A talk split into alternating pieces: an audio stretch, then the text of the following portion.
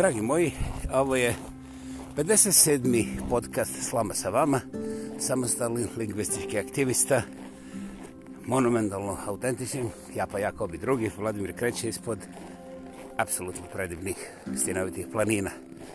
Danas je nedelja, 28. decembar i ova pandemička godina koja je okrenula svijet na opačke izdiše izdiše bez imalo srama, jer iza brda koliko god bilo ovih sjajnih vakcina, stvari ne izgledaju sjajnije, ali znate šta, i ispod oblaka se i tekako može dobro živjeti i još bolje zabavljati. Dakle, nema plakanja, ima kakanja i u tom smislu i ja nastavljam. Meni je jutros, prije neki dan je bila ona bradata rakije koja me je totalno raznila i neću se nikome žaliti. Međutim, pominjem to poradi jedne realne, stvarne činjice koje nema veze sa masovnim histerijama, sistemima i politikama, a to je da kada nekoga onako djetinje spontano volite, i sukladno tome cijenite i veselite se ovako izdaljega svemu što taj čovjek može, hoće, zna, radi. I onda dođe jedna bradata pljuska bez ikakvog razloga. A, ukoliko vas zanimaju detalje, poslušajte bradatu rakiju, meni je mučno pominjati detalje. Jer, mada sam ja rekao da nisam iznenađen. Činjenica je kako sam od uvijek slušao priče da čim se neki osokole i pomisle da su na vrhu svijeta, posebno Balkanci, oni bez imalo ustručavanja, a Bože ne do Bog razmišljanja, povuku prst u oko najprije svome susjedu, pa onda još već i samom sebi, jer to onda čini nešto ispravno ili uopće me ne zanima šta je objašnjenje. Ali jutro sam u tim internetskim novinama našao priču koja me rasturila u pozitivnom smislu i to je ljepota interneta koju ja uvijek moram da skinem kapu, jer postoji. Naime, reakcija je moja, a vijest je njihova i onda je provjerena, pa samim tim moja reakcija je meni draža, jer nije na nešto prazno, nešto nacrtano, nešto hollywoodsko. Prvim da ni Hollywood nije satkan od probašaja, da budemo načitam. Dakle, jedna starina, kažu, jedan od posljednjih i svakako najstarijih veterana drugog svjetskog rata, negdje gore na periferiji Firenze, je bio sam. Čovac ima 93-94 godine i nazvao je lokalnu policiju, karabinjere.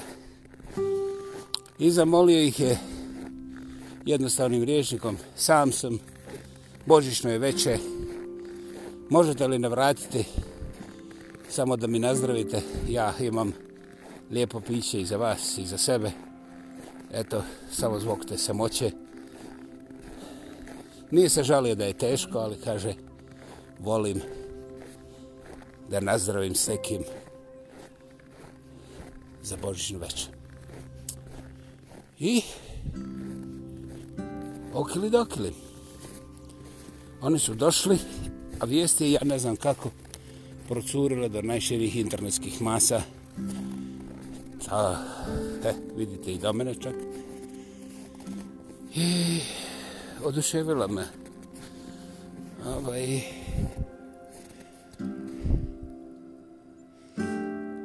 Dakle, e, ja ovo snimam u parku i ako čujete nekakve zvukove, ja ih neću brisati, ali se nastavim uvijek skloniti sa strane, pa onda da to bude što manje. Inače, ispred mene je Elbow River, koja je najvećim dijelom zamrznuta. A ono što je čudno, ove godine je bilo posebno toplo i nije zamrznuta sasvim. Međutim, za jedan prosječan europski okus, uhuhu, to je ledom okovano, nema dalje diskusije. Eto, iz ovoga poteza veterana drugog svjetskog rata, za koga vrlo interesantno nije bilo priče da li je bio na strani crvenih ili plavih, nego jednostavno veteran toga nesretnog velikog rata. I to je jedan potez novinara koji izuzetno cijenim, jer ja se uvijek vraćam takozvanom našem svijetu koji odmah zna na kojoj strani je bio taj Deran, šta je radio i ako ga nešto novinar pita da će odmah reći da je bio kuhar, da nije vidio puške i tome slično. A, ja sam sretan što vam mogu reći da sam dobar dio toga već provario i aktivno se odvajam od takvih mogućnosti koje su volševne koje su u svojoj, u svojoj suštini destruktivne na masu nivoa, ali primitiva ovaj svoj fokus, fikus uglavnom izgledi u vrlo, vrlo čvrsti fanatizam i ne postoji oružje s kojim se to može razbiti jer dok su god živi, dok god dišu, oni ne pomišljaju da bilo kakvo provjetravanje može poboljšati stvar. Za njih najprije. A, meni je to važno da ponovim zbog toga što je moje mentalno zdravlje bilo takvim takvim ljudima i takvom sredinom i takvim načinom komuniciranja ne samo ugroženo, ne samo narušeno, nego ozbiljno oštećeno. Da li sam se ja uspio oporaviti, to morate pitati kvalificirane psihijatre, ali ja se osjećam presretno što mogu u dobrom dijelu toga da govorim bez da mi tlak skoči i lijevo, desno, pa čak i gore dole. Ovo ovaj, je...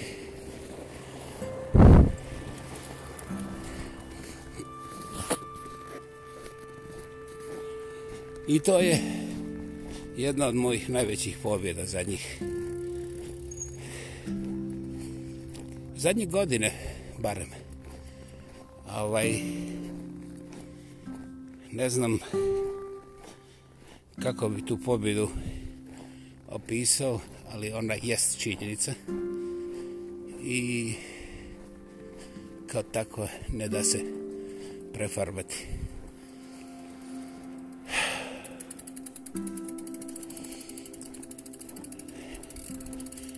Ja bih stvarno volio kada bi svijet primijetio da imaju armije ljudi okolo koje su bez ičega i koje su usamljene. Otkud meni tako znanje? Pa, gospodo moje, ja ne znam zašto bi mi to zvali znanje,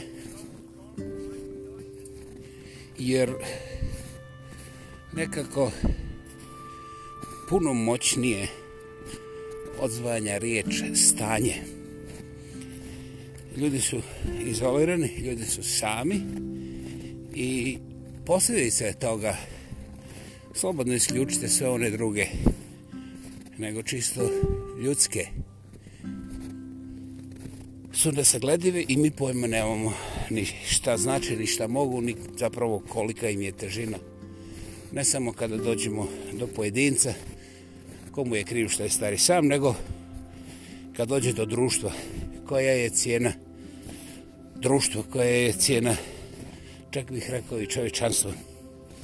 O tome raspravljaju samo neki duhovno zreli pojedinci kojima sistem ne otvara vrata za bilo kakav dijalog, a još manje potporu u istraživanje.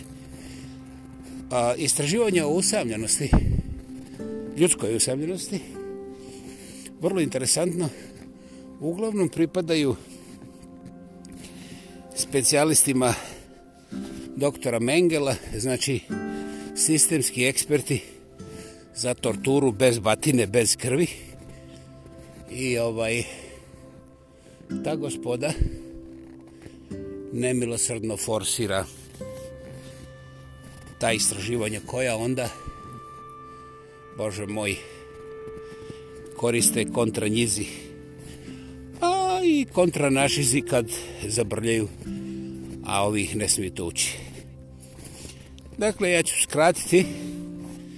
Nad usamljenošću ne treba plakati iz milijon razloga.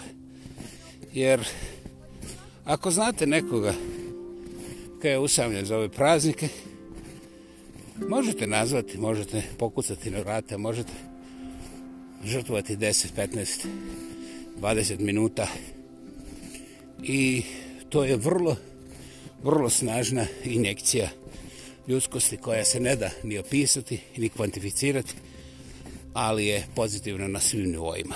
Čak i za vas. Ako učinite, razumit ćete. Istovremeno, ja vam ne, poruču, ne preporučujem da istražujete samoću, zbog toga što kažu ne samo mudre knjige, nego i mudre babe, snaći će vas. I to u svakom životnom dobu i svaki put će biti na krivo vrijeme i onda redom pa pretpostavite. A, meni je zapelo za oko jedna vrlo interesantna znanstvena tvrdnja u kojoj kažu da produžena usamljenost, interesantno pitanje šta je, to nećemo sada, je opasnija za dužinu ljudskog života nego intenzivno više decenijsko pušenje. A, I sad ja tražim od vas da se složite. ja sam zahvalan što vi poslušate. Ne tražim ništa. Nastavite da pušite u usamljenosti i dokažete da živite 100 godina. I znate šta, ja neću doći da to provjerim, jer imam neka druga gluplja posla. Naime, nisam planirao da živim 100 godine da bi provjeravao da li je neko uradio sve krivo i dokazao da neka naučna postavka nije apsolutno točna. Znate, vraćamo se opet Balkenjik štandu koji je koji je gori od korone, koji je u svim našim tkivima i koji ne živi u jednoj političkoj opciji, u jednoj naciji, nego jednostavno kao da je u vodi zraku. I, i, i svim nevidljivim duhovima Balkana. A, ja mislim, ako je čovjek pametan, i ako je čovjek human, da bi onda treba razmišljati zašto je to tako kod nas, zbog čega smo mi prije svega pametnjaković, pa bez obzira da li to košta i nas, i našu djecu, i generacije, vrlo, vrlo skupih, bolnih, bolesnih iskustava. Naravno, ne očekujem revoluciju, jer, Bogu hvala, primijetili ste da ne treba. Ali, u 57. podcastu Sloma sa vama, ja sam vam danas predizdize ove godine, izdisao riječima koje inače dišem i razmišljam. Ovo je tek početak, ovo je, kako bi se reklo, oblanda u kojoj vi možete naći prostora za svoju vrstu kolača. Razmišljajući o ovoj temi na svoj način i razgovarajući sa onima koji su vašeg razgovora vrijedni. Hvala. Hvala čujemo se vrlo brzo opet. Slama sa vama. Ja pa jako ovi drugi, Vladimir Kreća ispod predivnih stenovitih planina. Ćao!